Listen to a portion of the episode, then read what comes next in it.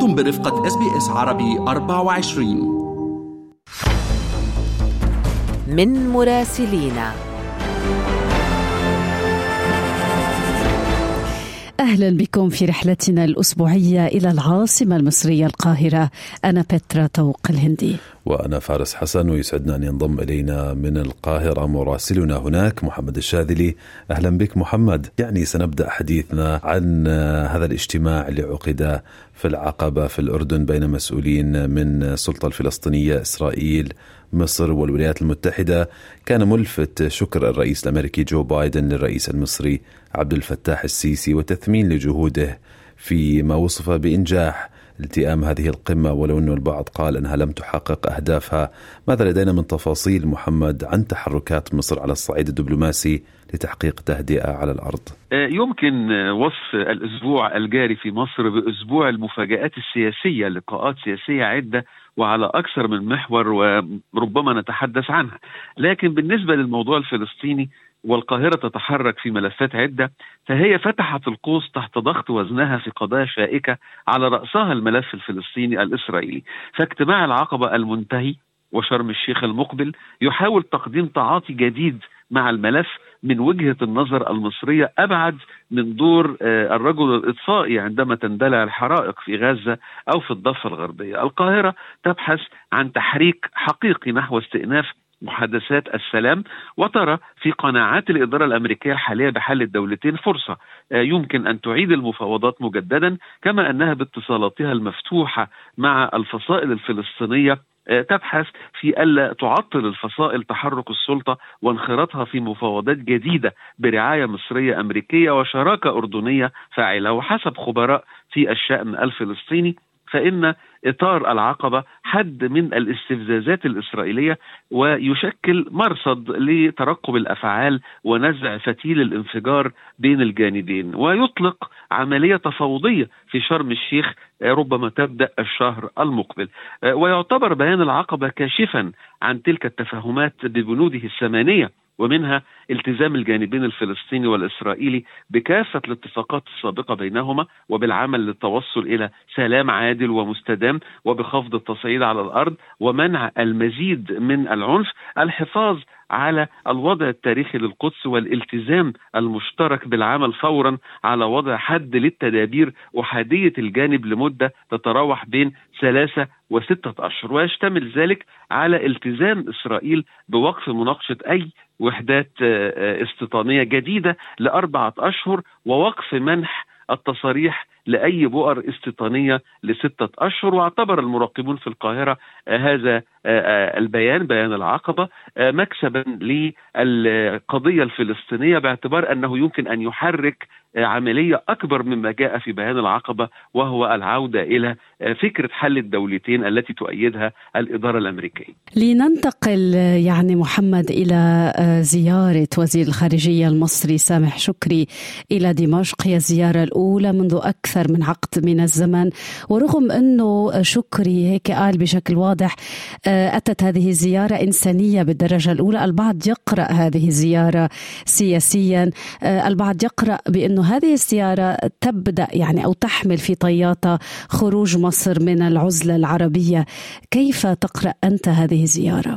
زيارة سوريا وتركيا التي قام بها وزير الخارجية سامح شكري هي بالفعل لاظهار التضامن في كارثة الزلزال التي آه، يعني أحزنت المصريين وتقديم مساعدات إغاثية. كانت عبارة عن 1500 طن لسوريا و1200 طن إلى تركيا لكن بالفعل هناك أفق أوسع من آه، هذه آه، الأوزان بالطن من المساعدات الإغاثية الإغاثية. بالنسبة لدمشق اتصالات القاهرة لم تنقطع معها وهناك عدم ممانعه مصرية لعودة دمشق إلى مقعدها الدائم في مجلس جامعة الدول العربية. والتحفظات المصرية آه، بتذهب إلى الوجود الإيراني في سوريا. بالنسبة لتركيا فهذا العام شهد لقاء استثنائي في افتتاح مونديال الدوحة بين الرئيسين السيسي وأردوغان، كما تم عقد لقاءات استكشافية على مستوى أقل من وزاري. آه، لم ترقى إلى مستوى آه، عودة العلاقات أو النصح بلقاءات أخرى أكبر منها، لكن الوضع الآن ربما يتحسن بين العاصمتين. وحسب وزير خارجية تركيا تشاوش أوغلو فإنه من المحتمل عقد لقاء قمة في الفترة القريبة القادمة. التحفظات واسعة والملفات شائكة لأن تحالفات مصر في الإقليم قد تكون معرضة للخطر ما لم يتم حساب الخطوات بدقة. فقد أسست مصر علاقات قوية مع اليونان وقبرص. وهما على خلاف كبير مع تركيا وملف الغاز في شرق المتوسط وترسيم الحدود البحرية سيكون أحد الملفات الشائكة على طاولة أي مفاوضات لأنه لا يخص البلدين وحدهما كما أن الاتفاقات التركية الليبية أزعجت القاهرة وحلفائها في الشرق الليبي، كل هذه قضايا بحاجة إلى إعادة نظر دقيقة حتى تتحسن آه، الصلات المصرية التركية، قد يتم ذلك قبل عودة العلاقات الدبلوماسية رسميا أو إنه قد تعود العلاقات اولا حتى يتم بحثها في أجواء دبلوماسية وشعبية أهدأ من الوضع الحالي أو الوضع الذي كان قبيل زلزال السادس من فبراير. نعم محمد يبدو الزيارات الخارجية أيضا كثيرة، شفنا زيارة لرئيس الوزراء المصري مصطفى مدبولي إلى الدوحة، هي أيضا الأولى من نوعها منذ عام 2014، شو أبرز الملفات يا ترى التي تمت مناقشتها في هذه الرحلة وهذه الزيارة؟ الزيارة تكتسب صبغة اقتصادية، فرئيس الوزراء في مصر عموما لا يتولى الملف السياسي. آه، آه، رئيس الوزراء مصطفى مدبولي استعرض أمام أمير قطر الشيخ تميم جهود الدولة لتشجيع الاستثمار المحلي والأجنبي وتعزيز دور القطاع الخاص، كما استعرض عددا من الفرص الاستثمارية المتاحة في مصر. مؤكدا الترحيب دوما باستثمارات الأشقاء من دولة قطر في مختلف القطاعات. ومن جانبه أكد أمير قطر أن الاستثمارات القطرية في مصر ستزيد خلال المرحلة المقبلة وانعقدت آه، جلسة مباحثات مصرية قطرية موسعة برئاسة رئيس وزراء البلدين وتم توقيع اتفاقية مهمة هي آه، إزالة الإزدواج الضريبي في الضريبة على الدخل بين البلدين ومنع التهرب أو التجنب الضريبي. واتفق الجانبان على تعزيز العلاقات خلال الفترة المقبلة وزيادة حجم استثمارات الشركات القطرية في مصر وزيادة معدلات التبادل, التبادل التجاري بين البلدين لأنه نحو 45 مليون دولار فقط. وعقد الدكتور مصطفى مدبولي اجتماعات مع مجتمع الأعمال القطري وأعضاء غرفة الصناعة القطرية لتحفيزهم على زيادة حجم استثماراتهم الفترة المقبلة. وكان وزير الخارجية القطري عندما زار مصر في آه، مارس العام الماضي قال إن بلاده تنوي ضخ استثمارات جديدة بقيمة 5 مليار دولار في مصر. تترقب الأوساط المصرية استثمارات قطرية مقبلة في مجال الفنادق والإنشاءات واتفاقية منع الازدواج الضريبي سوف تشجعهم لأنها تنص على دفع الشركات الضريبة مرة واحدة فقط وصرحت وزيرة التخطيط هالة السعيد المرافقة لرئيس الوزراء إلى الدوحة بإن الجانبين يدرسان حاليا إطلاق صندوق استثماري مشترك في الفترة القريبة المقبلة.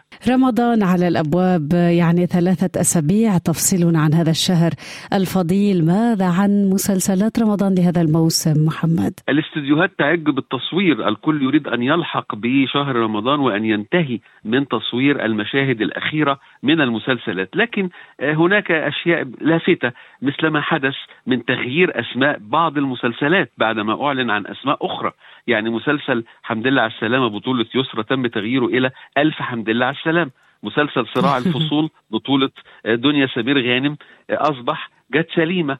مسلسل العين بالعين بطولة نيلي كريم تحول إلى عملة نادرة. ومسلسل علاج طبيعي بطولة منة شلبي غير المنتج اسمه إلى تغيير جو ومسلسل الإمام الشافعي بطولة خالد النبوي أصبح اسمه رسالة الإمام. لم يكشف النجوم عن كثير من مضامين المسلسلات. هم يتركونها للمشاهد لكن بعض الفنانين آه، يشاركون في الأعمال مع شركاء الحياة. ياسمين عبد العزيز مع زوجها أحمد العوضي في مسلسل ضرب نار. غادة عبد الرازق مع زوجها هيثم زينتا في تلت التلاتة. ونيلي كريم مع زوجها هشام عاشور في عملة نادرة.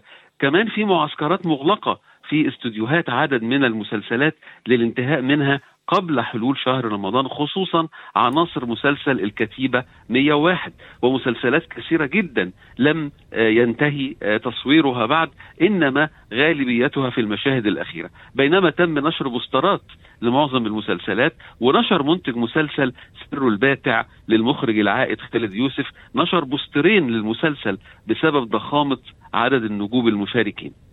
شكرا جزيلا محمد الشاذلي مراسلنا في القاهرة. شكرا على هذه الرسالة. كانت منى زكي أيضا في إحدى ال posters والإعلانات أثارت جدل على ال social media. بنحكي عن الموضوع في فقرة المنوعات. شكرا محمد. هل تريدون الاستماع إلى المزيد من هذه القصص؟ استمعوا من خلال Apple Podcast، Google Podcast، Spotify أو من أينما تحصلون على البودكاست.